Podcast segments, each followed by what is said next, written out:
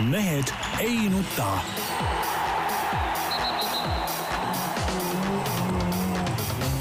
mehed ei nuta. selle eest, et mehed ei nutaks, kannab hoolt Unibet, mängijatelt mängijatele. teisipäeva, nagu ikka, Mehed ei nuta eetris siin Delfi suurepärases stuudios, kardinad kõik ilusasti valged ja muu säärane. Tarmo Paju, Delfi omanik peaaegu, ja tervist. Peep Pahv, Delfi omanik ja Eesti Päevalehe omanik mingil määral tervist. ja Jaan Martinson, Delfi, Eesti Päevaleht ja igal pool ja kes ei oma mitte kui midagi. nõndaks, noh, mehed poliitikast. praegu on minu meelest väga huvitav aeg, hakatakse va- valimislubadustega välja tulema ja ja noh, need rahalaevad hakkavad juba liikuma, et vaikse, vaikselt, nagu ma saan aru, et kuskilt sealt kaugelt tulevad tonnides meile eurosid ja mis kõik jagatakse rahvale laiali nagu ei tule siis? ei no kindlasti tuleb. kusjuures, kusjuures mulle, mulle meeldib, tähendab ühest küljest meeldib, teisest küljest ei meeldi, aga mul on tunne, tunne, et, et need valimised saavad noh, nagu nii-öelda ideoloogiline võitlus käib, et kumb siis on, et kas äh, Reformierakond, kes tahab nagu maksusüsteemi kõik tagasi tuua, alkoholiaktsiisi alla lasta, kütuseaktsiisi alla lasta uuesti või siis nii-öelda teine pool, kes, kes kaitseb seda kõrget aktsiisi ja, ja leiab, et inimesed, kes tuhat kakssada eurot äh, kuus teenivad või vähemalt nende palk on tuhat kakssada eurot, et need on rikkad ja neilt tuleb raha ära võtta. aga jaa, ma ütlen veel seda, et, et eh, Reformierakond on muidugi erilised selgrootud limukad, sest et kogu see aktsiisipull hakkas ju nende juhtimisel muidugi pihta, ma tuletan meelde.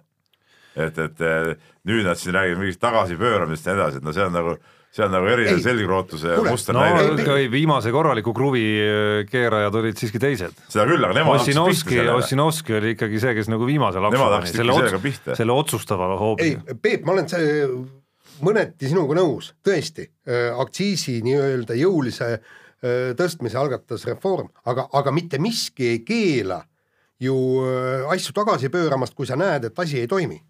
Ja see, ja see on, see on, see peaks olema minu meelest täiesti loomulik peaks. võtma kõik need, kes toona olid nagu äh, juhtimise juures, võtma nii-öelda vastutuse Ei, miks? eest ära, mis, mis, miks Ei.? Nad eksisid ju. ei no aga sina eksid ka ja ja sa ei, eksi kunagi. ei aga kui, kui inimene teeb vea ja ta tunnistab seda ja, ja parandab ei selle vea ära, mida? ei ole usaldusväärne enam, ei no kõik me teeme vigu ju tegelikult. ma ei tea. ei mind see, see sa ei ole teinud, rohkem- Peep, ühtegi viga, jah? rohkem mind häirib see kellakeeramise pull, et noh, et, et eh, järsku võtavad mingisugused tüübid võtsid kätte otsustasid, et me enam kella ei keera mis asja. ei Aga no miks peaks keegi, ei no keegi Keelama? ei ole seda otsustanud esiteks, et me nüüd ära enam ei valitsus keela ei no valitsus otsustas, et äh, nad pooldavad seda, et me ei keeraks, jah. noh, minu arust oleks väga okei, kui ei keeraks, aga ainult, ainult ühel juhul muidugi, kui me jääksime suveaega praegusesse, mitte talveaega. Peep, kuule, sinu suured sõbrad seal äh, idapiiri taga, nemad ju ka kella ei keera. mis sa tahad öelda, et Putin ajab valet asja või? jah. ei, selle, selle seisukohavõtu eest, Peep, ma arvan, et sa langed küll tähendab ebasoosimusse. eh, see kell ja, ja ma ei saa aru üldse, mis see, mis see Euroopa Liit siia veel puutub, et kui me, me ei olegi suveräänne riik, et me ise otsustame, kas me keerame kella või ei keera, kui tahame, võtame endal pooletunnilise viibega enda ajavööndi, ongi kõik, oma riik, ise teame. me võime praegu öelda, et kell ei ole mitte üksteist null kolm, nagu mu kell näitab, vaid on praegult kaheksa nelikümmend viis ja mitte keegi, kellegi asi ei ole see. Eestis on selline aeg ja ongi kõik, eks ole. Me ei pea mingit Euroopa Liitu siin kuulama. ja järgmine pull on muidugi see, ma saan aru, kui ma ära olin, siis äh, vahepeal siin tulistati mingeid rakette välja, et kas, et noh, ma olen kogu aeg ju rääkinud seda, et need NATO vennad tuleks koju saata, et ohtlik kamp ju noh. ja ime ime, et sinu tahahoovi pole no ma kukkunud ootan kogu aeg, ükski. lennukid ju lendavad seal kogu aeg, mingid tükid need küljest ära kukuvad seal, noh et äh, ebareaalne noh. Peep, kuule, sa oled nõukogude mõtle, kui, mõtle, kui nüüd Vene poole peal oleks näiteks mingi juhuslikult siuke asi juhtunud, see rakett oleks kukkunud näiteks kuskil see Eesti piiri juurde, siis me oleks ju täitsa hulluks läinud ja me oleks, ei no ma ei tea, mida teinud. ei no teistpidi samamoodi mõtle, kui ta oleks lennanud ikkagi sinna Venemaa poolele, see piir jäi ju täiesti selle raketi nagu lennu ulatusse. ja aga nüüd on nagu umbes, et Siis- noh, kukkus mingi, tahaks olla. ei, Peep, kuule, tegelikult sa, sa olid ju Vene sõjaväes käinud, sa vist õppustel eriti palju ei käinud, eks? ei, me, me õppustel eriti käinud jah. meie viibisime, ma, ma ütlen, noh, poolt aega võib-olla ei viibinud, aga niisugune kuus-seitse kuud kokku viibisin äh, kõiksugu õppustel, eks.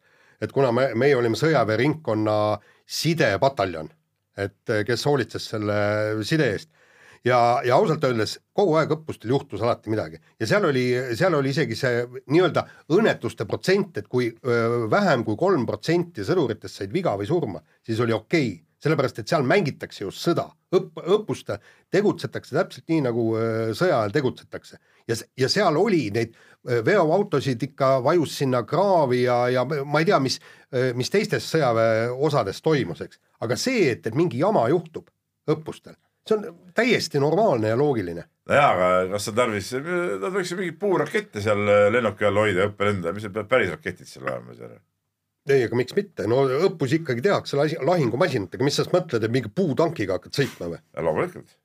Aga mis ei mõttes?, ma, ma, ma nagu ei dramatiseeriks seda üle, aga see oleks lennanud äh, sinu sinna Jõelähtme külla, juhtub. okei, õppustel on alati ei olnud mingit õppust. no ei, olid ikka mingid õppe, õppuse lennud olid jah. ja üldse mingid, mingid Hispaania anastajad siin lendavad meie rahumeelses Eesti taevas, tead, no ütleme, õppige seal oma Hispaaniast, tead. noh. aga hea uudis on see, et Peep on lastud tagasi Saksamaalt ikkagi ja me saame kergejõustikust rääkida. jah, see Saksamaal, ega see, see totter riik, mulle ei meeldinud see Saksamaa üldse tegelikult, noh. tähendab see, tähendab jutud sellest äh, Saksamaa nii-öelda ordunkist muidugi ei pea enam paika. et seal on kõik täiesti käest ära, nii kehva korraldusega äh, kergejõustiku tsempionaati ma ei mäletagi. ei, aga isegi, ebareaalne, üks mingid, no see, see ei ole ainult, mis ei puuduta nagu meie tööd, mis oli ka lollus, eks ole, kuumade ilmadega jätkunud isegi joogivett ja mingeid asju. aga, aga äh, sportlastel mingid bussigraafikud ei toiminud ja mingi sada häda oli seal kogu aeg, tead noh. et, et kogu see värk oli ikka alla igasugust arvestuse korraldamine. kusjuures siin, siin, siin kohapealgi oli ju ääretult totter, kui sul ei tule online tulemusi, kui sa see pead, üldse ei töötanud ju noh. kui, kui sa pead kümne võistluse lõpptulemusi, sa pead tele, teleka ekraanilt äh, maha kirjutama, sellepärast et sulle jõuavad need mingi viie või kümneminutilise nihkega, no ei, ei ole see, normaalne. sakslased seekord ei tulnud äh, toime selle korra, ma käisin kaks tuhat üheksa samas Berliini MM-il ka, ma ei mäleta, et tookord siukest jamasid oleks olnud, aga seekord oli küll nad läksid täiesti lati alt läbi oma korraldusega. ehk siis suurvõistluste viimase aja klassika on see, et äh, nii-öelda need valged riigid, eks ole, kõik need, kõik need äh, nii-öelda sämelevad ja sõimlevad igasugu ütleme totalitaarsete riikide vastu, ma ei tea, Venemaade ja Hiinade pihta, et miks üldse seal toimub ja nii edasi ja ja see kõik kukub läbi ja siis lõpptulemus on see, et äh, seal kõik toimub briljantsemalt kui kusagil mujal, aga ütleme siis kuskil USA-des ja Saksamaades hoopis ei saada hakkama. jah, järelikult. nii, aga kuidas siis Eesti koondis hakkama sai? Peep, sa olid üsnagi kriitiline oma kokkuvõtvas äh, artiklis, et, et sa panid, palju seal oli, neli või viis lati ületajad ja ülejäänud, kes tegi oma tulemuse ära, enamus ronis lati alt läbi kahjuks. nojah, aga seal oligi ju tegelikult noh, meil oli paar ilusat hetke oli noh, Kirdi, Magnus Kirdi medal, kahtlemata ilus, Gerd Kanter karjääri lõpp, väga tore. noh, võtame seal mõned jooksud sealt, Indrek Nurme, Kaur Kivistik, noh, Xenia Balta. noh, oli, olid okeid asju küll, noh, tegelikult ka Rasmus Mägi kuues koht, ütleme, ei saa öelda, et see nüüd noh, ütleme, et oleks mingi täiesti jama olnud, aga ütleme tema taset arvestades läks ju medalit püüdma ja ta ise ka õnnelik ei ole selle kuuenda koha üle. küll aga oli meil terve rida siis äh, siukseid umbluusportlasi ka, eks ole, kes, kes, kelle tase nagu ei küündinudki seal võistlemiseks. ma ei saa üldse aru, miks nad üldse sinna EM-ile läksid, et, et sportlane peaks ikkagi nagu aru saama, et kui, kui nagu taset ei ole, siis on mõtet tiitlivõistlusele minna ka ja tegelikult äh, seda ju ütles oma intervjuus välja ka Gerd Kanter päris hästi, et kuidas Eesti kergejõustiski pal- paljud tahavad teha nagu noh, nagu liiga kerge vaevaga seda kõike teha ja ei ole nagu professionaalne see spordi tegemine. ja seal nii mõnedki need sportlased, kes äh, said ise häid kohti, omavahelises vestluses ütlesid ära seal mõne, mõne teise eestlase kohta, et noh, et, et come on, et mis, mis mõte siuksed asjad on. muide, ma vaatan praegu just, et Soome kergejõustik on omadega täielikult äh, audis, nad said ainult kolm kohta esikaheksasse, mis on kõige kehvem tulemus läbi aegade EM-idel. ja, ja nad kusjuures räägivad kõik äh, täpselt sedasama, tähendab, küsitakse, et taevane arm, et kuskohast te võtsite need neli medalit, mis nüüd see nii-öelda peatreener välja pakkus ja, ja ütles, et saate aru, Soome kergejõustiklased teevad praegu maakonnavõistluste tulemusi tegelikult ja, ja, ja kõik nad loodavad, et äkki nüüd seal EM-il järsku see purakas tuleb. Nad pole aasta, pole rohkem kui aastaid, võib-olla keegi mitte elu sees teinud nii-öelda tipptasemel tulemust. ja, ja kõik ja siis hõiskavad välja, et oo, nüüd ma lähen EM-ile, vot seal ma panen. see on üks see on üks, üks asju minu arust, kus Peep, sa natuke räägid nagu endale vastu, et ma lugesin ja vaatasin ka sinu neid nii-öelda lati ületajaid ja alistajaid ületajaid oli siis hästi vähe, et sa ühest küljest kritiseerid neid noh, ütleme siis nagu tagumise otsa Eesti sportlasi natuke selle eest, et nad äh, on ebarealistliku ootusega, et äh, mingi tulemus, mida nad on võib-olla aasta jooksul ühe korra saavutanud, et nad siis lähevad suurvõistlusele, et nad usuvad, et nad lähevad suurvõistlusele ja suudavad seal seda korrata. teisest küljest sa paned Rasmus Mägi lati alt minejaks, kuigi ta tegelikult tegi oma aasta parima jooksu nojah, Rasmus Mägi ei saanud medalit, tema oli nagu ikka nagu medalikandidaatide hulgas, noh. Ma kirjutasin ka, et see lati alt, see ei olnud nagu nii, et see ei olnud nagu, et Rasmus Mägi on äh, tont ja see ei olnud ju niimoodi seal välja mängitud. noh, see ongi väga ebareaalne minu arust, et kõik sportlased, kes sinna lähevad, noh, enamik sportlasi siiski ei tee oma kõige aasta kõige paremat tulemust medali seal. järgi, see on selge Läks muidugi jah, aga ta tegi hooaja parima jooksu no tegi küll, aga, aga, aga see jutt, mis sa, mis sa nagu ütled, ma hullutan neid, kes lähevad üldse sinna välja tiitlivõistlusele, kui sa juba lähed välja, siis sa peadki minema nii-öelda oma, parimas vormis ja üritama seal hooaja parimat ja seda latti ei saa. Mis sa paned siis? Kätlini Tõllassonile, paned lati siis kolmekümne viie meetri peale kätt täitis või? ei noh, ma olen, ma olen, ma olengi nõus No tegelikult, ei, ma olengi selle osaga nagu nõus, lihtsalt äh, ütleme, nende puhul käib see Liina Laasmäele, et null on latiks või? ei, tegelikult just ma olengi nõus selle osaga, mis puudutab seda, et, et sa ei saa latti sinna panna, et ma olen ühe korra hüpanud, ma ei tea, üks kaheksakümmend kaheksa aasta jooksul, et siis ma lähen sinna, hüppan uuesti, et no seda ei juhtu, tõenäosus on väga suur, et seda ei juhtu lihtsalt. Mina leian, et ei olnudki mõtet äh,, nii mõned, nii mõnelgi sportlasel ei olnud mingit mõtet minna sinna, sest et üks asi, ma räägin, on teha neid tulemusi mingil väiksel võistlusel, sellepärast ma ütlen, unustage see Kaleta jutt ka ära, no see on ka täiega umbluus, hakkasite arvama mulle hommikul ka ajama veel seda. ma ütlen, see üks asi on Lihulas tõugata, ma ei tea, kakskümmend meetrit, teine asi on EM-il tõugata kakskümmend meetrit, noh. et äh, asjad ei käi niimoodi. no ütleme, kui Elerin Haasile taotleti eriluba ikkagi, siis see on äh, nagu ühtegi argumenti pole, miks Krista Kaletale ei võinuks seda, aga ärme sinna mine praegu, see pole peateema. aga, aga muidugi äh, väga, väga hea äh, intervjuu oli Märt Roosnal oli Raul Rebasega Gerd Kanteri äh, lõpetamise puhul ja, ja minu meelest väga-väga huvitava asja ütles Rebane välja, et, et meil on väga palju ühe medali sportlasi ja ta ütles, et üks põhjus, miks äh, sportlased sealt edasi ei lähe, on see, et nad ei julge mitte midagi muuta. ja meil on, kes on Balta, ühe medali naine, Mägi, ühe medali mees ja, ja, ja neid on meil tegelikult oota, ei vot, vot äh, jätka nüüd, ma kohe Balta kohta ütlen ära, ühe medali naine küll, aga pärast seda on nad kogu aeg vigastatud, et siin Oota, nagu midagi oota. muuta nagu ei olnudki eriti võimalik. Oota, Peep, ja jälle- Mägi ja ühe medali mees nii nõus., oota, minu Nii. nii. küsimus on see, et kas need on geneetilised vigastused, et ühesõnaga tema öö, tervis ongi programmeeritud olema kogu aeg katki või on võimalik öö, ka neid vigastusi kuidagi vältida? aga vigastused ongi üks osa ju nagu andekusest ikkagi ka, et äh, ongi sportlased, kes on altimad ja ongi, kes Äh, äh,, kes on vähem äh, altimad muide, ma- siiski. Ma- tõsi, ja ise on ka võimalik teha üht-teist. mul on alati nendele sportlastele üks küsimus, kes on noh, jätkuvalt ja pidevalt vigastatud. et äh, ma, ma tean, ma tean ühte meie mitmekordset olümpiavõitjat, kes aastaid ja aastaid alustas päeva sellega, et te, töötles poolteist tundi, poolteist tundi oma keha, no sinna käisid ka hommikujooksud, hommikune ujumine, jõusaalis käik pluss venitused, painutused, kõik, ta kulutas poolteist tundi hommikul. Seda ta trenniks eh, ei nimetanud, poolteist tundi selleks, et tema keha oleks terve. kas kõik need vigastatud sportlased saavad ka täpselt sedasama öelda? kõik meil on väga, kõiki vigastatud ka ei ole, ei, ei, me, ei kõik arvan- vigastatud aga vaadates seda, sportlased. millise tahte ja iseloomuga Seina Palta näiteks on kogu, kogu sellest jamast välja tulnud ja, ja millist, millist tuima ränka tööd ta on pidanud selle nimel tegema, siis ma arvan, et talle nagu midagi ette heita ei oleks küll nagu ülekohta. ei, aga nüüd jätkame seda ühe medali nimekirja siis. nii, ei, ma ütlen, et, et ka meil on Eesti, Eesti spordis on need eh, ühe medali võitjad, ma, ma, ma, ei spordis. ei Eesti spordis üldse ja, ja ütle nüüd, kas selle Mägi ja Balta, nemad on ju öö, mõlemad jäänud kinni sinna oma treeneritesse, kes on nende perekonnaliikmed, eks.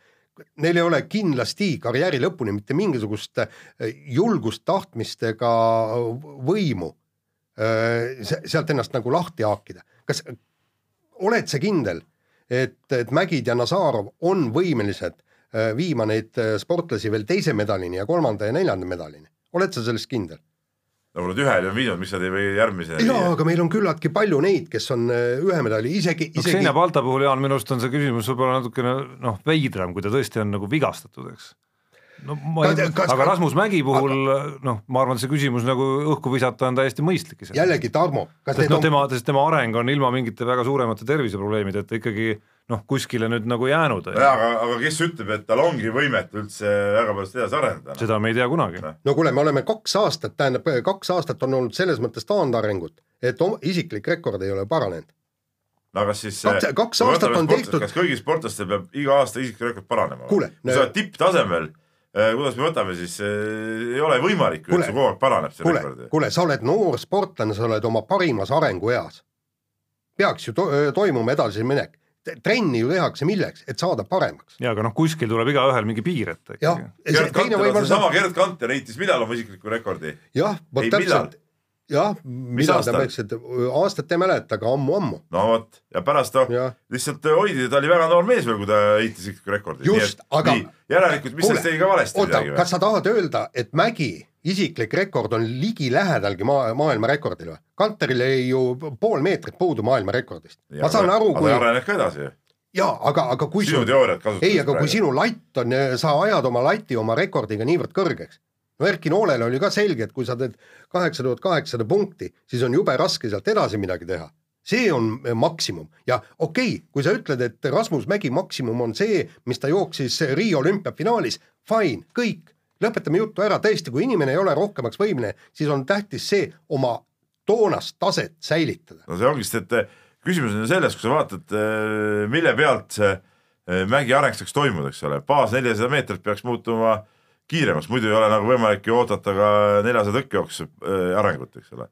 aga ma ei tea, kas ta on võimeline neljasajas veel kiiremaks muutuma, peale selle, ega ta nüüd nii noor ka enam ei ole. ja aga teine küsimus on see, kas teda on öö, võim-, võimalik äkki treenida kiiremaks just, aga mõne, see, mõne teiste, teise metoodika, teiste treeningutega. äkki Aga- on, ma ei tea. aga noh, mulle tundub, et see on asi, mille saavad ära tunda ikkagi ainult nemad ise, ehk siis Rasmus Mägi ja, ja tema praegused treenerid, et või noh, emb-kumb vähemalt, eriti Rasmus Mägi, et see ei saa tulla kuskilt väga väljast, et me oleme siin ju sellel samal teemal, Jaan, sa oled, see on üks su lemmikteemasid muidu aasta, aastate No jooksul meie saates, eks, ja sa oled näiteks ka ütleme, ma, ei anna pead, aga minu arust oled sa ka näiteks Eesti ütleme odaviske kohta visanud õhku sedasama küsimust, et kas meil on üldse treenerit, kes suudab a la kas Heiko Väet suudab üldse nagu üheksakümne meetri kanti mõne odaviskaja aidata. Et ega me seda enne ei tea, kui ühel hetkel tuleb Magnus Kirt ja, ja tema abiga viskabki nii kaugele ja No just. ja antud juhul nagu viskaski. ja aga, aga see on kompleksne, see, see ei ole ainult ühe treeneri, see, sinna on Tustid, kes on tõesti Eesti üks äh, asjalikumaid äh, spordi kergejõustikutundjaid, eks. et te, tema on seal abis, seal on kolmas mees veel abis ja kolm pead on ikkagi kolm pead, et suudetakse äh, küll asja, asju teha, eks. ütleme, see nüüd kolme peaga, kolme pea koostööst nüüd on ka suht keeruline muidugi rääkida, aga aga, aga see selleks, et, et no vähemalt kaks pead on. et äh, ma ei tea, ma ei, ma Jaani, ma sinu tead selle jutuga ei nõustu ja ma ja, ja no saame, saame näha, noh. eks elu näitab, aga, aga, aga ma miskipärast arvan, et, et Rasmus Mägil on võima-, ma on mõtlen, mille põhjal sa, mille põhjal sa arvad seda? sellepärast et no, no, Noh. no. noor sportlane, ta peaks ju arenema, kui ta, kui ta teeb Kui noor? no, no mis ta siis on, nelikümmend viis või? ei ole. Aga kõik. Need, kes praegu jooksevad tast kiiremini, on tast palju nooremad.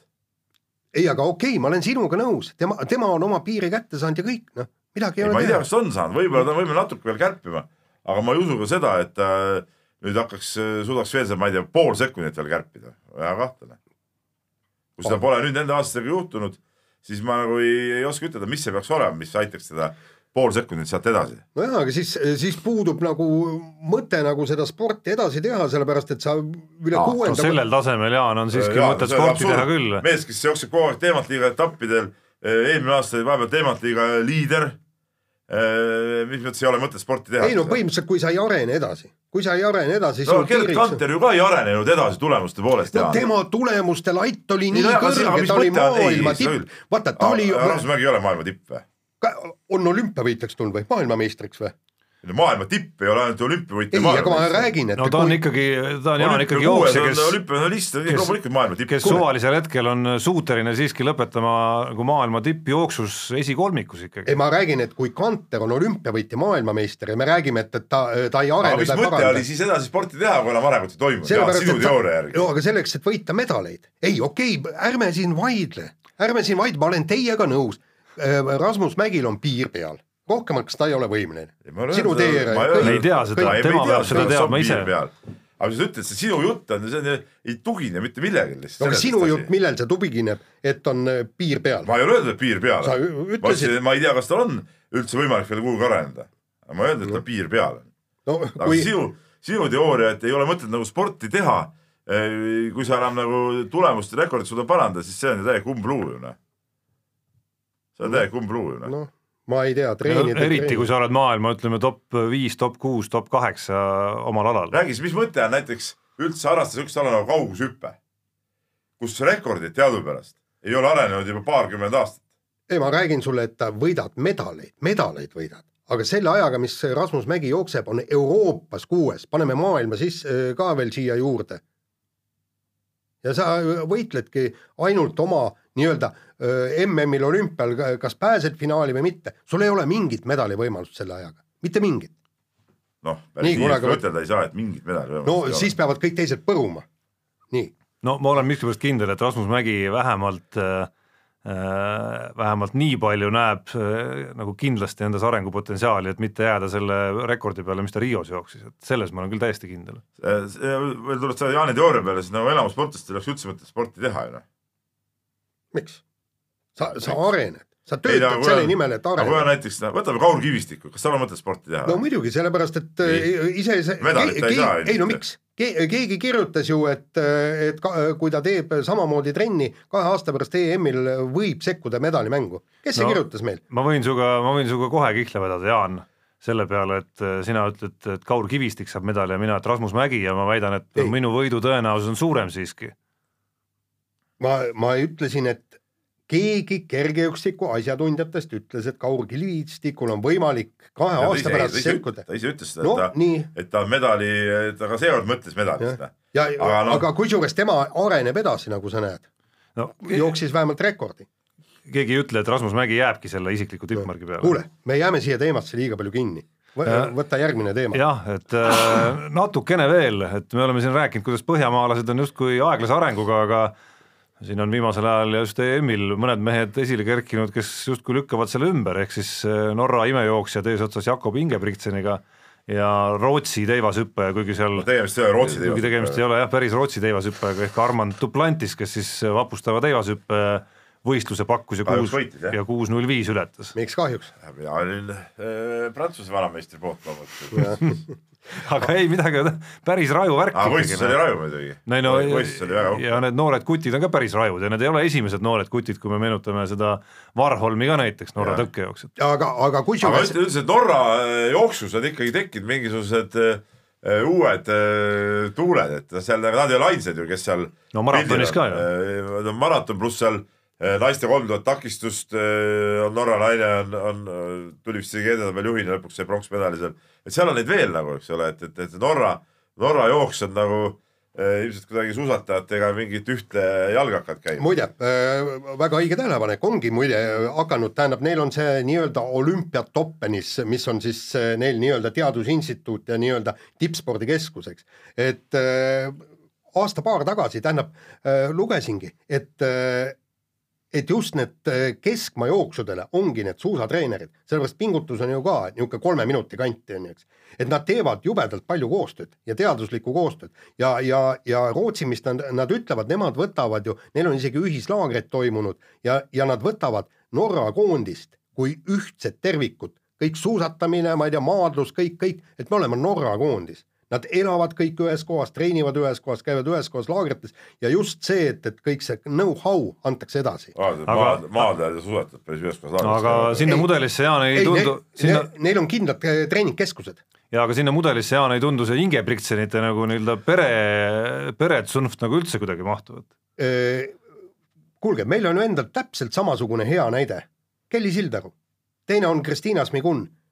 Kui te loete natukene, kuidas need öö, on üles kerkinud, kui see hakati nelja-aastasest peale hakati duplantist aret-, aretama teivashüppajaks. ja ei, see ongi, see ongi hoopis teine lugu, et noh, see ei ole see lugu, kus äh, suusatajad ja mingi teadus Just. ja kõik, see ei ole see lugu, see on aga-, aga see on ki- mingi väga erandlik äh, ei, aga me räägime tervikuna Norra seda tõusu, siis see on ikka nagu ühest äh, potist. äh,, täpselt sama on see Ingebritsen. tema ju käis koos vendadega, ta oli kaheteistaastaselt käis juba mäestikulaagrites täpselt sama on see Warholm, kuidas ta, kuidas ta oli ju, ta ju tegi kümnevõistlust kunagi. Ja, ja ühel mingi Norra noorte tšempionaadil või kõik, ta võitis kaheksa kuldmedalit. et, et nad ongi aretatud tippsportlasteks ja mis, mis näitab veel kord, et on võimalik, kui sa valid nagu ala, võtame Kristiina Smigun, Katrin Smigunist ei saanud asja Kristiina Smogun täpselt samamoodi noorest peale aretati olümpiavõitjaks. täpselt sama on Ke- Kelly Sildaru, eks. ja seal ei ole mingit küsimust. ja see, ja see ongi see, kuidas mitte ainult Eestis me räägime, et meil on perekondlik sport, eks. aga see on ka väljamaal täpselt nii. ja, ja, ja seal ei ole mitte mingit üllatust, et, et need noored on äh, nii kaugele jõudnud. ja ega Duplantisega on ju sarnane lugu ikkagi, võib-olla mitte päris selline vabrik nagu Ingebrigtsenitele seal isa on püsti pannud, aga aga noh, isa tippteivashüppaja ei ta hakkas ju kohe ja väga kohe ja ülivarakult tegelenud just nagu väga sarnase või sama alaga, ülivarakult. samas me oleme kogu aeg rääkinud, Jaan on ise kogu aeg seda rõhutanud, et mitmekülgsus, mitmekülgsus, nüüd me räägime, kuidas peaks ei, aga seal Duplantise puhul ja- ja. Duplantise puhul oli mitmekülgsus täiesti olemas ju, ta ei tegelenud tema- ainult teivashüppajaga, vaid pesapalli mängis pesapalli päris, mängis päris ja, pikalt. ja seal isa ju kirjeldas, et kuidas ta hakkas äh, väiksest peale tegema igasuguseid hüppeid, erinevaid harjutusi, ei tegelenud üldse k- kohe ainult teivashüppega. samas äh, Warholm, eks kui, kui sa saad kaheksa kulda kergejõustikus Nojah, siis järelikult sul peab olema ju mitmekülgsust. Nii et kõva. nojah, aga ütleme ikkagi, need on nagu üksikud näited, et, et äh, enamus medaleid ei ole muidugi niimoodi tulnud.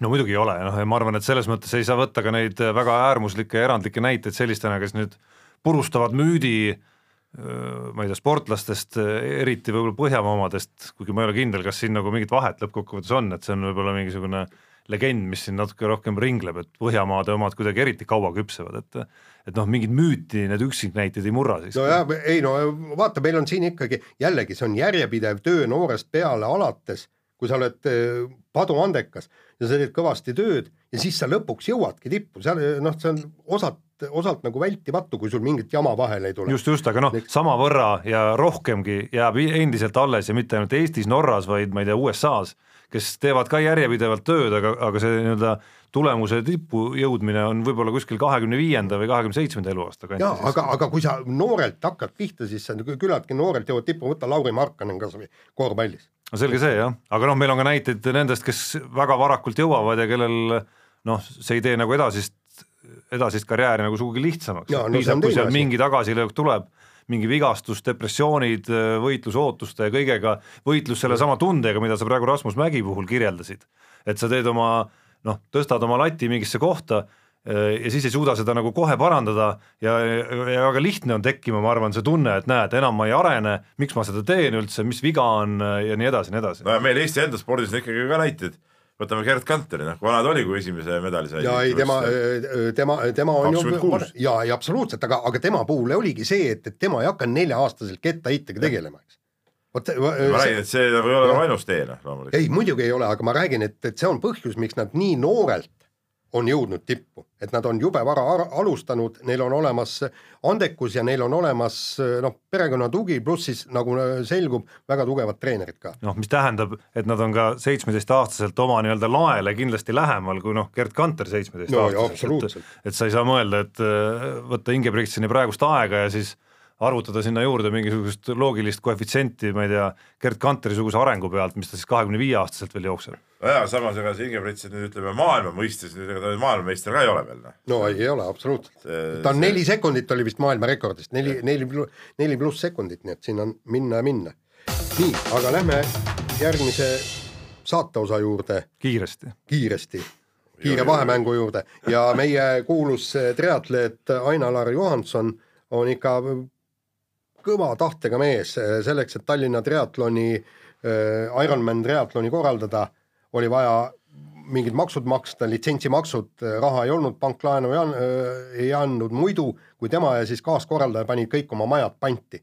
et ausalt öeldes kõva julgus küll, no jah no ja ütleme, kes luges, oli laupäevases Eesti Päevalehes LP-s siis Gunnar Leheste lugu Ain-Alar Johansoniga, kus see, kus see fakt pärit on, siis siis nagu ikka nagu mitmekordselt müts maha selle mehe eest, et miks ta seda kõike ka teeb, eks ole, selle juured on ju kusagil seal Estonia huku juures ja tema kahe sõbra juures, kes kes äh, Läänemerre jäid, et äh, seesama, isegi seesama äh, Kalev Kruuside ja Tanel Padarite ja Raivo E Tammede kaasamine ja, ja, ja kogu selle sportimise populaarsemaks muutmine on alguse saanud tegelikult sealt. Ja, ja nagu see toimib ja ja noh, see on tegelikult on see nagu hoomamatu mõnes mõttes, kui nagu väga põhjalikult ei mõtle, et, et mida Ainar Johanson kõikide nende sammudega on tegelikult teinud, ma ei tea, Eesti rahva tervise jaoks kas või. kõlab nagu suurelt, aga tegelikult on see nii. ja, ja, ja nüüd ma kindlasti ootaksin seda, et, et kui, kui president äh, omistas äh, aumärgi, medali, ordeni, kuidas seda nimetada äh,, Malcolm Wilsonile, kes, kes on meeletult aidanud Ott Tänakut, siis äh, kindlasti Ain-Alar Johanson on äh, täpselt samamoodi ära teeninud aumärgi. Äh, nii, vahetame teemat ja soovime õnne meie esimestele Tokyo olümpialastele, ehk siis purjetajad Karl-Martin Rammo ja Ingrid Puusta teenisid Eestile esimesed olümpiakohad. ja aga need ei ole, nemad ise ei pruugi sinna pääseda. no tõenäoliselt nad ikkagi No tõenäoliselt saavad küll, ise aga- neid ka kasutada. aga sa ei saa öelda, et see täpselt nii kindlasti on. aga põhimõtteliselt küll, jah.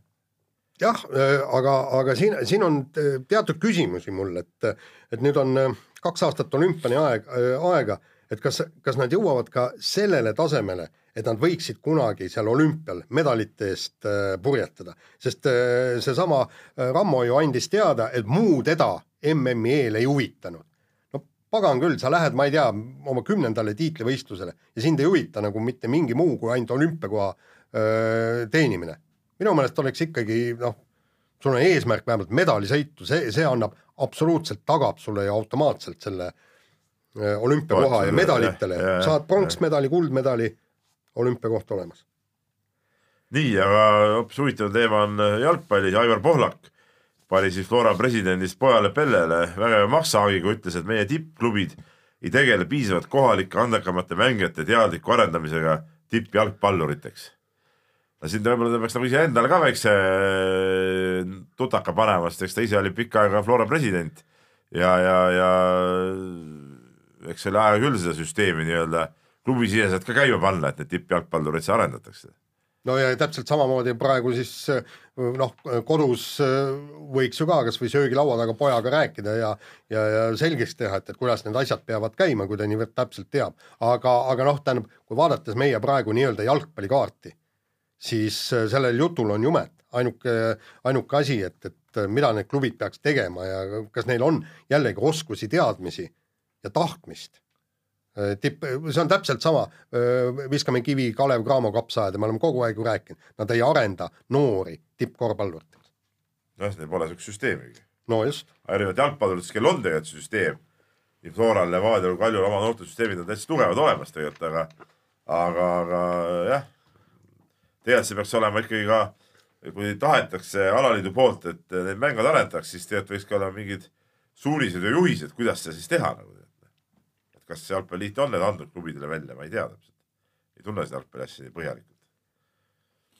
nii ah,, räägime korvpallist nüüd. Henri Drell andis teada, et öö, Kreeka korvpallilegend, ma ei mäleta, kes see küll oli, eks Tarmo võib-olla sa tead, ütles talle, et ta on järgmine Martin Müürsepp.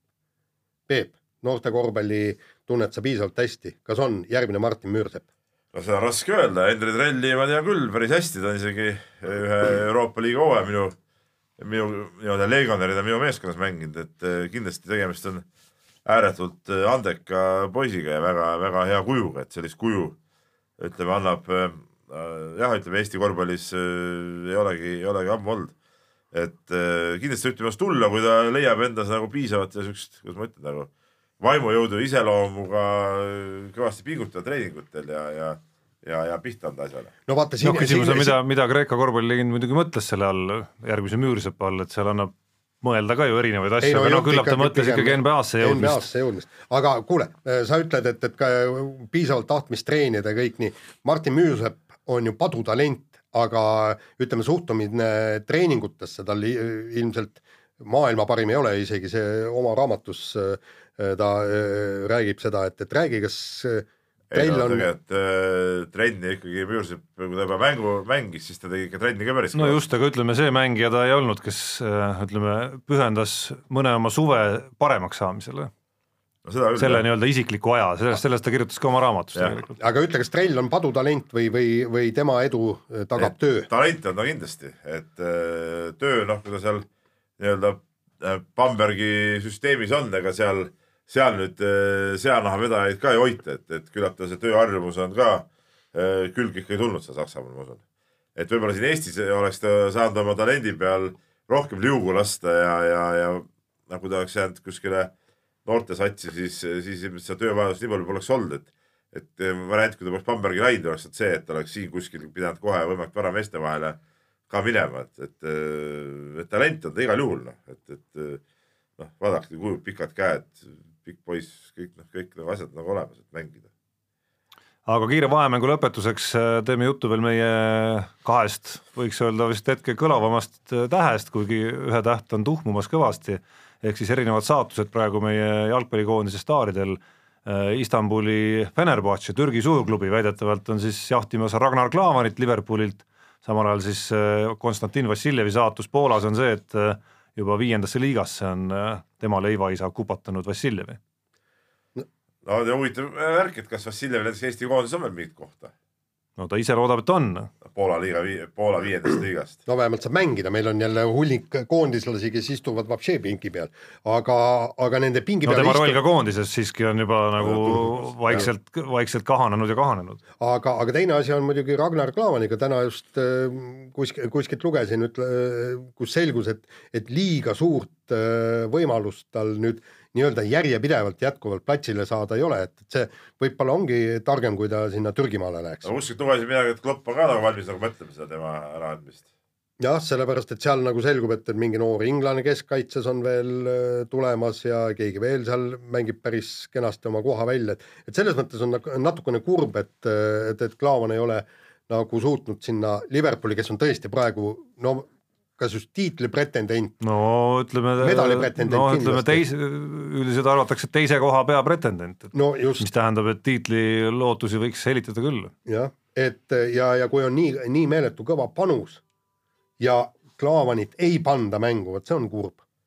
aga see on ikkagi suhteliselt asjade loomulik käik, et ega noh, ta ei ole, pole kunagigi olnud ju nii kindel põhimees seal ja, ja kui oli teada, et siin see koosseis nagu tugevdub ka võib-olla, et noh, siis tema roll ja ta ongi see kolmas-neljas äh, keskkaitse kogu aeg olnud. ja, ja nüüd ka kahjuks langeb viiendaks-kuuendaks isegi. no olgem ausad, Fenerbahce nüüd väga halb saatus ei oleks, kui selline klubi sind tahab, nii et ja huvitav see, mis rolli nad seal näevad, et ma, ma olen natuke eemal olnud ka, ma ei ole neid uudiseid nii palju jälgida, et, et kas tal seal nähtakse mingit põhirolli või, või, või ka sihuke kolmas-neljas mees, et noh, siis noh, väike tagasiminek see on igal juhul nagu noh.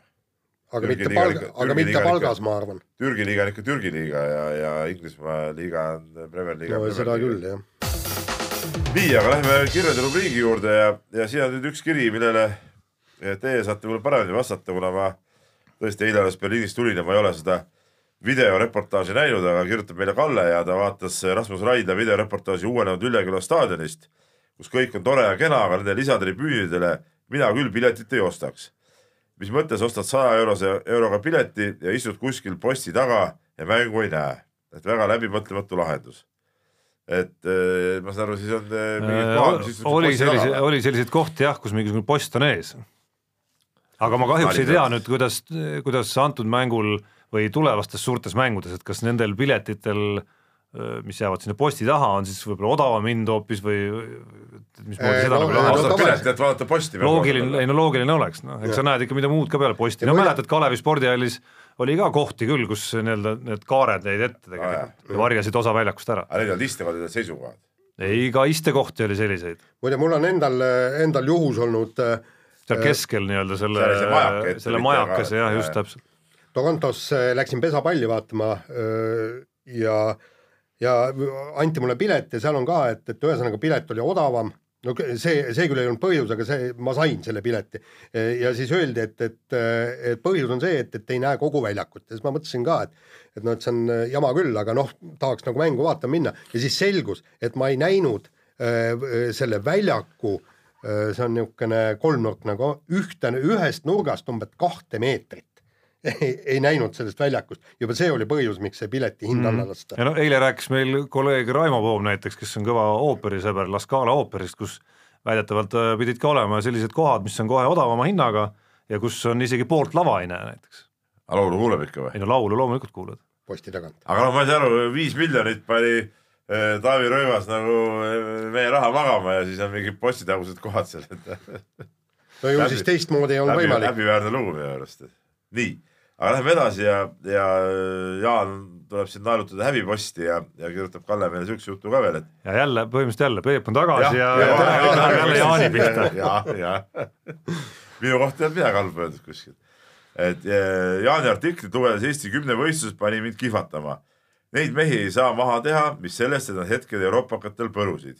aga prügikasti vis visatavat artiklit kirjutada pole sünnis. häbi, Jaan jah, ei no häbi küll, eks ma, ma, jälle said hakkama mingisuguse soperdisega. ei, ma ei saanud hakkama, ma ei, ma, ma ei, saanud hakkama soperdisega, ma lihtsalt äh, räägin seda, et, et Eesti kümnevõistlus, mis on nii-öelda kultusala, öeldakse, et, et meie kümnevõistlus on praegu kuldsed ajad ja kõik nii ja, ja medaleid on toonud tegelikult kümne pärast taasiseseisvumist on ainult Erki Nool toonud kümnevõistluse medaleid.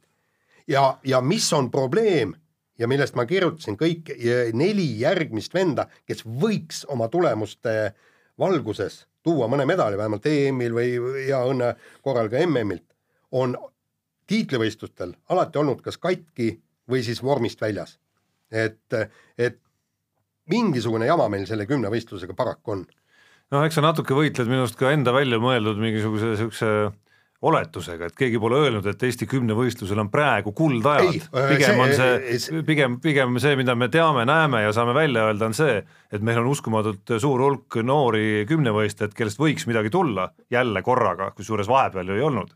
muide, kuldaegade kohta Kilumetsa artiklist võtsin need kuldajad võtsin sealt välja, tema on kindlasti suurem äh, kergejõustikuspetsialist kui mina. noh, ütleme, ma arvan, antud küsimuses on ta vähem objektiivsem võib-olla jälle suure ise, ise nii-öelda kümnevõistlust teinuna ja nende poiste sõbra, nii-öelda sõbraks oli. ei, seda küll, aga selles suhtes äh, ongi mõnes mõttes kuldajad, et et kõrgel rahvusvahelisel tasemel kümnevõistlused on meil ju praegu palju, selles suhtes ongi küll kuldaeg.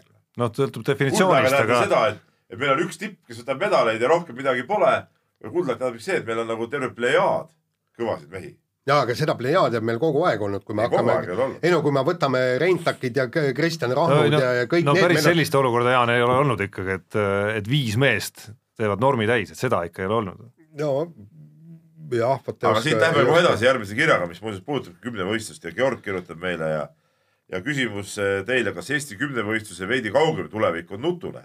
järeldan seda sellest, et U kakskümmend EM-i, MM-il ei olnud meie poolt kedagi väljas. U kaheksateist EM-il esinesid meid eh, Daniel Keedrov ja Igor Andreev, mõlemad püstitasid isikliku margi, kui näiteks Keedrov, kes sai kuueteistkümnenda koha, kaotas võitnud Venemaa sportlasele peaaegu üheksasada punkti.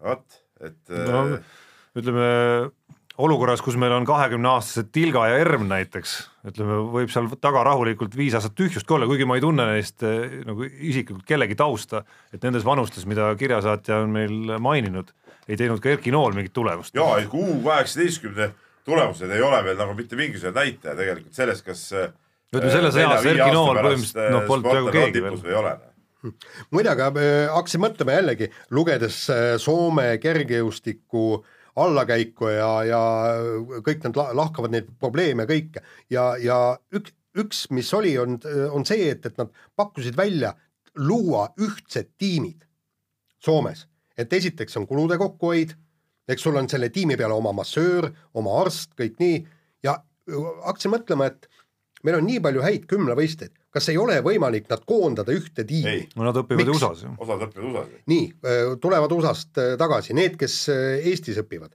kes? Eestis ei ole mitte kedagi või? no Janek Õiglane on Eestis, eks. üksi praegu ütleme nendest tippvendadest. okei okay., aga, aga kui nad tulevad tagasi, Maicel Uibo? Maicel Uibo elab ta ei ju, õpi. No ta elab ju abikaasa juures ju. no aga, aga ei ela Euroopas ju. ei no jaa, aga, aga kuna ta treenib USA-s, ega see tiim võib ju treenida ka Ameerikas ega see, ega see ei, ei tähenda no üliõpilas, üliõpilas, üliõpilastiimide juures neil ei ole vaja siukest asja. ei no jaa, aga ütleme, kui nad tulevad sealt ülikoolidest ära, nad hakkavad vaikselt ju riburada pidi sealt ära tulema. jah, no see võib teemaks kerkida, aga sinna on nagu jube palju aega ausalt öeldes.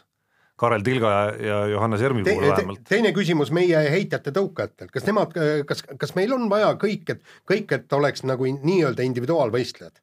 kas aga meil ei olegi nüüd peale Martin Kupperi meil ühtegi heitjat tõukat pole ju. no viskajad, odaviskajad jah, noh, noh, jah, naised panna ka sinna et tiim, et, et see ongi puhtalt sa, sul on siis vähemalt olemas mingisugune arstlik teenindus, sul on massöörid, värgid, kõik need, noh. ma ei tea, kas, kas on võimalik, ei ole võimalik. Suusatajad on ju ühes tiimis, ei selles suhtes jah, ei Kuigi on kindlasti see on teema, mida, mida kannataks arutada, aga, aga see ei ole kindlasti väga kergesti teostatav. nii, viimase kirjana võtame Sauna Madise jutu ja tuleb välja, et Sauna Madis väga palju sporti jälginud ja pani imestama see, et eh, Emil Venemaa sportlastel polegi enam oma lippu nime ees eh, Russ, vaid on Ana. ja ta küsib, et tohoo pere, kas nüüd ongi need anapoolsed steroidid sealkandis nii moes, et võetud lausa lipukirjaks.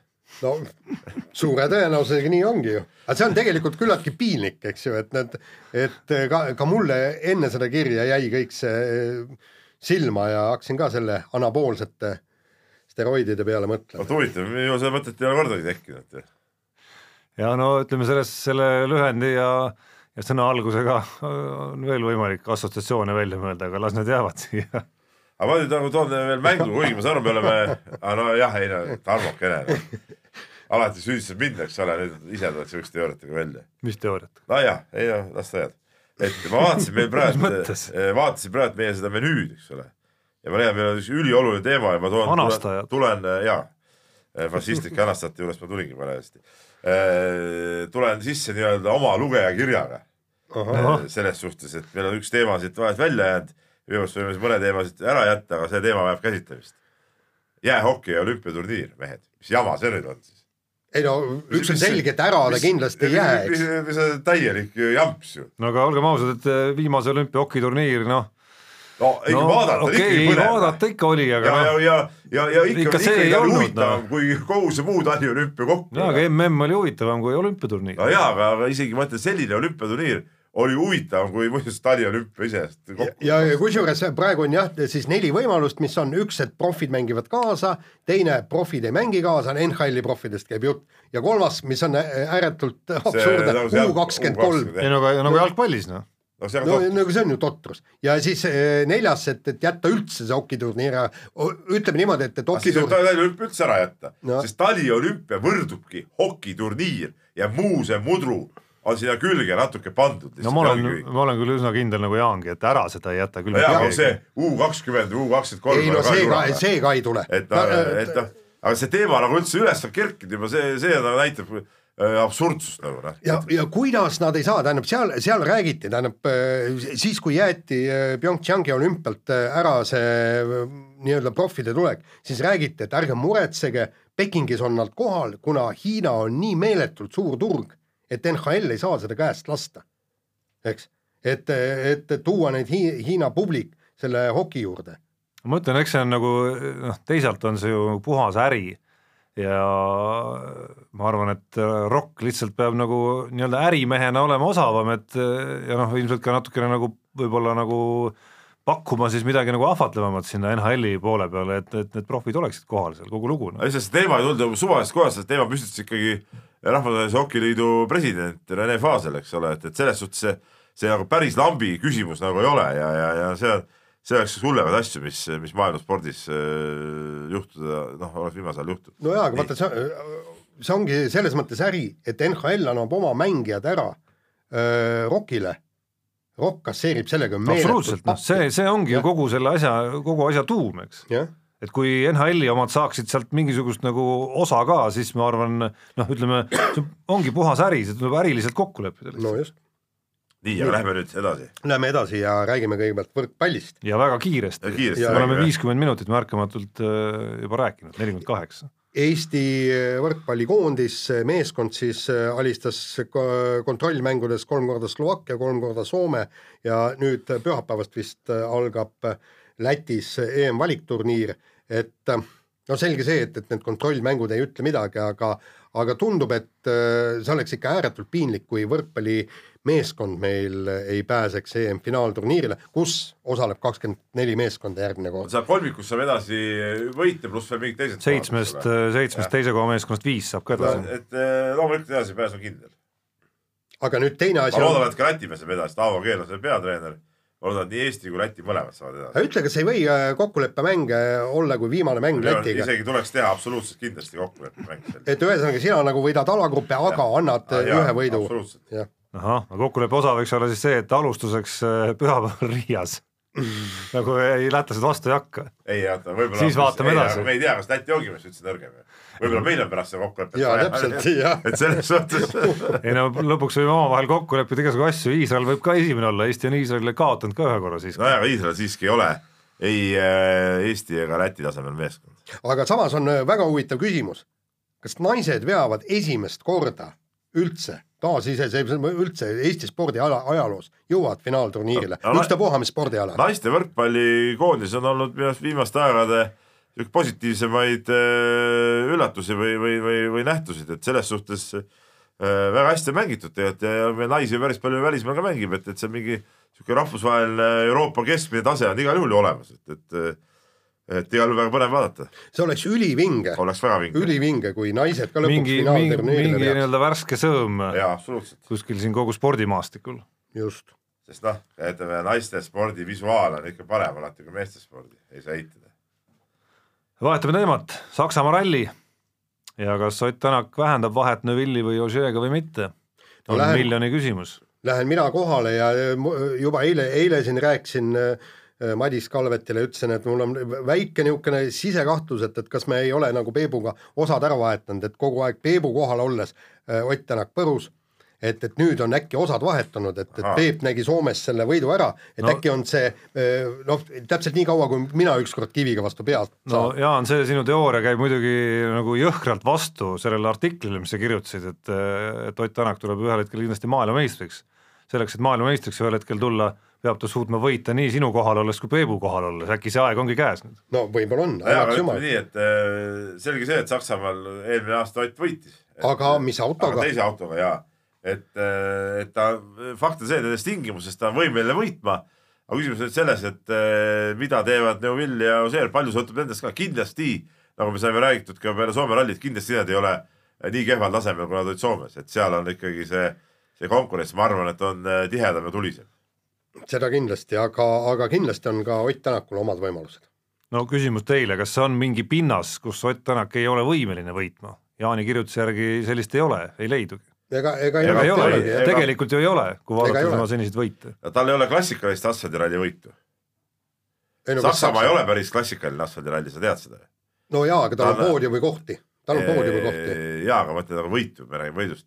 et, et Saksamaa ralli on ju natuke erineb oma olemuselt, ütleme a la äh, Korsikast või, või, või siuksest rallist. no aga mitte, mitte liiga palju. seal on palju ikkagi põlluvaheteid ja vaata, seal tuuakse seda sodi ja, ja värki nagu rohkem, äh, rohkem tee peale ja see asfalt on seal ka sihuke katkisem ja, ja, ja, ja viletsam tavaliselt.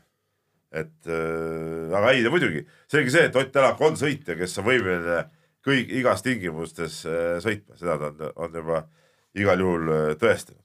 nii aga homme siis äh, toimub äh, Eestis äh, suur jalgpallilahing. Madridi Real, Madridi Atletico, Euroopa superkarikas. noh, mehed, kas pakub pinget ka või? ja ma olen ikka ääretult pettunud, et ma olen Saksamaal, et ei saanud siin suurem elu sees olla ja võib-olla isegi minna Vabaduse väljakule vaatama seda suurelt ekraanilt jalgpalli, aga tegelikult ausalt öeldes, kui ma ütlen, no ei koti see. tähendab mind kui hobi jalgpallivaatajat. Tõesti, et kaks Hispaania satsi tulevad siia mängima, palju õnne neile, see karikas ei maksa midagi, me hakkasime just, mäletad, toimetuses arutama, mitmendal kohal on see, see superkarikas maailma jalgpalli nii-öelda poodiumil. kõige tähtsam on mis maailmameistritiitel. Mis, mis siis on järgmine meistrite liiga tiitel, siis tuleb Inglise liiga tiitel, Hispaania liiga tiitel, nii edasi, nii edasi, nii edasi, siis kõikide nende suurliigade teised kohad, kolmandad kohad, siis tulevad äh, Argentiina tšempioni tiitel, eks, Brasiilia tšempioni tiitel ja umbes kahesaja kaheksakümnendana tuleb siis äh, äh, see superkarik No no päris nii päris nii, päris nii kaugel ei ole, aga- aga noh, mõnes mõttes natukene kahju tegelikult, et mis seal salata, eks see, et see superkarik siia saadi Aivar Pohlaku nagu metsik töövõit ikkagi, et noh, see on erakordne tegelikult, et see mäng siin toimub, sellised satsid siin on. Lihtsalt ebaõnn on see, et sinna nüüd kaks Madridi satsi omavahel sattusid, et noh, noh, mõelge ise, oleks Liverpool võitnud eh, Champions League'i finaali ikkagi ja ma arvan, et see asiotaaž oleks hoopis teisel tasemel oi, siin praegu ja see oleks nagu jackpot olnud täielik, et Ragnar Klavan ja, ja Liverpool tulevad siia, eks.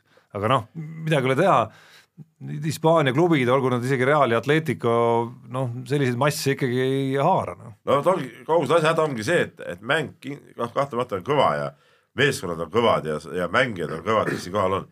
aga see nagu ei puuduta eriti Eesti eh, jalgpallisõpru, et palju üldse eestlased piletid siin on, et seal oli ju ei no mõned tuhanded on. mõned tuhanded, eks ole, noh, mis, mis ei ole väga suur arv ju tegelikult, noh. et, et eh, enamiku jaoks jääb see ikka tavaliseks eh, Viasat Sport Balticu või, vabandust, nüüd on uus nimi, eks ole, Tarmo ütles välja, mul on meelest ära läinud. Äh, et TV Play Sports vot, ütleme koledamat nime annab muidugi välja mõtelda, aga aga, aga see selleks, et et paljude jaoks on ikkagi jalgpallimatš, mida selle kanali pealt vaadata ja, ja, ja nii ta on, et paned ta tiksuma kuskil noh, kunagi pole seal olnud mingit suurt tähtsust ja nii, ja nii ta on lihtsalt. Jaa, no sõprusmäng no, no, hooajaline kontrollmäng. noh. jah, no ebaõnn number kaks sinna juurde, kui veel mõelda Aivar Pohlakule kaasatundmiseks, on see, et Ronaldo ka veel vahetati, eks ole, Juventusesse ära, et oleks temagi siin ei no aga mis Poolakul kaasa on, selles suhtes ega, ega nii nagu saime ka lehest lugeda ja, ja siin, et, et hotellid eh, on täis broneeritud, hinnad on laes, ütleme, ega rohkem inimesi siis ikka ei mahuks. ja, ja aga noh, seda asiotaaži saaks olla veel rohkem, noh. ja aga, aga samas tuleb ikkagi Pohlakule selles mõttes au anda, et ta, et ta tõi siia kõige suurema mängu üleüldse, mida on võimalik tuua. selles suhtes muidugi Poolak ongi kõva, ega, ega ja, midagi ja, ja kusjuures sai tänu sellele ka oma staadioni valmis, nii et, et Jah. on, mis on. see staadioni ehitamine sellisel kujul täielik mõttetus muidugi. no aga, aga ta sai, ühel hetkel oli jaa, seda vaja Poolak teha. tegi muidugi enda seisukohast kõik õigesti ja, ja kui näen teda ükskord, siis, siis kiidan, et, et niisuguse asjaga hakkama sai, aga oma olemuselt noh, nii, aga viimane teema kiiresti ja, ja, ja räägime nüüd EOK rahastusest taaskord, et äh, seoses sellega, et, et meie kergejõustiklased, mitmed kergejõustiklased Euroopa meistrivõistlustel medaleid ei, ei võitnud, ehk siis Maicel Uibo ja, ja Rasmus Mägi ja äh, ka Martin Kupper, siis äh, langevad nad EOK palgalt ära, peavad vist äh, läbi ajama, tegelikult sul oli veidi valesti kirjutatud, kuussada eurot on see C-kategooria toetus, mis ma, kuussada viissada oli seal. aa, see oli ilmselt näpuviga. ja näpuviga ja, ja, ja., et, et ühesõnaga see, see on ikka meeletult kõrge latt, sa pead Euro Euroopa meistrivõistlustel kergejõustikus, kümnevõistluses, ja nii mõnel, kus on nii mõnedki alad, kus ütleme noh, Euroopa jah. tase võrdub maailma tasemega Jaa, tegelikult no ja me just, räägime just. veel sellest alast, kus ütleme alast kergejõustiku näol, kus eh, ainult need ühed Euroopa meistrivõistlused ongi siin on ju, samal ajal kui ma ei tea, vehklejad ja sõudjad näiteks saavad nii EM-i kui MM-i igal aastal. ei no mis vehklejatel on individuaal ja veel võistkondlik just, just, et noh, nii palju erinevaid variante on, on ju, võrreldes ühe kümne võistlejaga. kindlasti nüüd see tippspordikomisjon tuleb kokku ja seal ikkagi mingeid paindlikumaid otsuseid on vaja langetada, et see päris, ütleme päris, ma saan aru, et jah, mingid reeglid peavad olema, aga päris kirve meetodil see asi ei saa nagu käia. noh. et see oleks ju absurd, kui öeldakse, et Rasmus Mägi, et eh, puhka jalga mees, kes jookseb eh, teemat liiga finaalis kohal, no mis on hea, kuigi sa ütlesid, et ta ei ole maailma tipp, ma ütlen, et on absoluutne maailma tipus, eks ole, jooksja. ütlesid, et ta nüüd ei vääri seda. no Uibo, Uibo puhul sama tegelikult. Uibo puhul sama, kes hooaja juht, eks ole, noh. mis mõttes ei, ei vääri seda. jah, aga, aga siin ongi see, et, et üks asi on vaja vaadata konkreetse võistluse tulemusi tõesti, ma, ma olen täitsa no konkreetse, veelgi enam konkreetse sportlase noh, nii-öelda nagu sisu ja väljavaateid ikkagi no, just. veel rohkem. just, ja teine asi on vaadata ka tema tulemust, sest näiteks ütleme tõesti, kui, kui Magnus Kirt eh, ütleme niimoodi, et, et kolm sakslast oleks võtnud, võtnud ära kolmikvõidu ja meie oleks tõesti mõne kaheksakümne seitsmega oleks saanud neljanda koha, siis Ja- ja, raha ei saa. ja raha ei saa noh, no see on ka absurdne, see on muidugi absurd kui- kui. aga sellepärast ongi Jaan, et saad ise sul ka, oled kirjutanud lugusid ja seesama, see Team Estonia ootus on, et sealt hakkaks see asi nagu, nagu liikuma nagu õiges suunas. no absoluutselt, aga sellest ju Gerd Kanter ka rääkis, kuidas ta Jah. tahab olla see isegi spordidirektor ja, ja sealt neid asju nagu paika panna ja ütleme, temasugune mees seal eesotsas, ma arvan, olekski väga, väga okei, kes ütleme kogu selle triangli hästi läbi käinud ja, ja valdab temaatikat. ja aga, aga, aga seal tekivad, tekivad jälle igasugused probleemid, et seal, seal tuleb ikkagi leida need, need otsustajad, õiged otsustajad, kes võtavad vastu otsuse, millised äh, sportlased hakkavad äh, saama palka ja see ongi, need peavad olema kõik endised absoluutsed tipud, kes seda otsust langetavad. just, keegi aga teine ei saa seda langetada. no see, seal on kindlasti, seal peaksid olema kindlasti ka treenerid või no treenerid ja Ja. tipptreenerid pluss endised ja, tippsportlased. ja kusjuures ma ei välistaks, et ka mõni spordiajakirjanik, kes on tõesti äh, asjaga kursis, võiks, võiks see sinna ei ole, ma arvan, nii vajalik. no teada, ütleme niimoodi, et ma, Eesti on nii kuradi väike. muidugi me sinuga teeme alati paremini kui, kui äh, need Ei, ametnikud, selles ma Peep, üldse ei vastu. Jaan ennast mõtleski, ma arvan. ei, ma ei mõelnud ennast, siin on, siin on teisi ka tark, tarku inimesi, asi on selles, et tead, see on Eesti nii väike, sealt võib hakata teki enda peale tassimine pihta ja kõik, et ei no eks seal keerukus on igasuguseid, noh juba mingi nii-öelda alade vahelised hõõrumised Just. ja eelistused ja kõik asjad noh. no.. jaa, aga kuidagi peab see asi lahenema igatahes, noh, ütleme see praegune süsteem nagu sedasi ka ei, ei toimi, see on nagu selge. ja, ja, ja, ja selge, tähendab see kuussada eurot C-kategooria toetust on ilmselgelt vähe. sellega ei tee ju midagi. okei okay,, jäta siis sportlasele tuhat kakssada eurot ettevalmistusraha ja võta see palk ära, see on veel noh, okei okay,, mingil määral, eks. jah, Aga- sportlased ikka teha, süüa vaata, kus ise saad. no just täpselt. nii, noh, nii ta on. nii, aga sellega mahtusime just aega. mahtusime ilusasti aega, saade on sellega lõppenud ja mina lähen Saksamaale, teie nautige siin Eestimaa suve ja korjake seeni, ma olen siin kukeseeni väga kenasti saanud viimasel ajal. mis see kukese värk on ületähtsus. jube head on. Head seened. kartuliga kukeseen, kukeseene pirukas. võta tavaline metsaseen, sealt väike, väike tatikas või mingi asi, praed ära, väga hea. ei, muidugi on hea, ei no aga praegu on kukeseened, kusjuures pilvikut oli ka vähe, aga riisikat on. maksavad mingit hirmsat hinge hinda. ei maksa nad suurt midagi. no ei, seitse, viiskümmend on turul, no jaa, aga no ütleme, see kilos on ikka kukeseeni omajagu aga no ka. mine, mine minul on seal maja ümber kasvavad tatikaid, võtad praed ära, tippe-toppe, tead mingit kukeseent pole vaja, tead. noh. jah, ei tatikad on ka väga head, just, aga häda sinuga. ärge olge siuke peenutse härra. mis mõttes, no kui praegu kasvavad kukeseened ja neid pakutakse, miks ei või süüa neid siis? on su tatikad valmis seal üldse või? ei ole, ei ole, ei ole no ma küsin, praegu on valmis. praegu on ma ei riisikaid ole on turul näinud neid tatikaid ausalt öeldes. riisikad on ka head, jah, just, aga nii, et puravik on muuseas veel parem. noh, praegu puravik ei ole paraku. jaa, aga ma lihtsalt räägin, mis veel eelmine parem,. eelmine aasta saime ka ul-, hulgipura, puravikud on Orusotoga muide pa- palju parem, puraviku Orusoto, väga hea. ma ei tea, see on soto, aga puravik on niisama, praed ära jälle väga hea. nii, aitab Sellega- küll. koka, kokaminutid saaks ka nüüd läbi. aitab küll, iga saate lõppu tulevad need kokaminutid ja vahele teeme veel mingi levimuusika rubriigi äkki. oh sellest, seal oleks mul väga palju sul oleks kindlasti, kas sa nutad, Peep, praegu ka, kui juba jutt sinna läks või, patune pool läks laiali? Äh, jah, ei ta vist ei läinud veel, lähevad vist aasta ei no aasta lõpus lähevad. ei no mis seal ikka, ei no äh, laulud on ju neil toredad, ega ma ei ütle midagi. Neil on paar päris toredat laulu, mis põhinevad küll vene endistel hittidel, aga viisi poolest, aga, aga väga hea. muuseas, ma tegin suure asja, ma tõmbasin endale telefoni, enne kui saade lõpeb, ma ütlen ära, tõmbasin endale telefoni selle noh, kus, kus see on see muusika kuulamine? Spotify või ossa nuga, ossa pagan. see on poja õhutusel ja võtsime selle kange versiooni ka. mees, kes sinna maksad isegi ka no veel. see, no esimesed kuu aega on tasuta. ai, palju ma sellele kuulan, kas vaata mees, kes on deklareerinud siin, me võime arhiivist üles otsida, aga ei viitsi lihtsalt. kuidas telefon on ainult helistamiseks, on ikka Ei, nagu ikka, ikka, ikka nagu räigelt lihtsalt murrab iseenda mingisuguseid äh, välja öeldud asju ei,. mis mõttes murra. Telefon ongi helistamises, aga aga miks sa kuulad muusikat ei siis? no ma lihtsalt proovisin. Isegi maksab mees kusjuures varsti selle eest. no aga siis hakkad maksma. no seda vaatame veel, vot nii.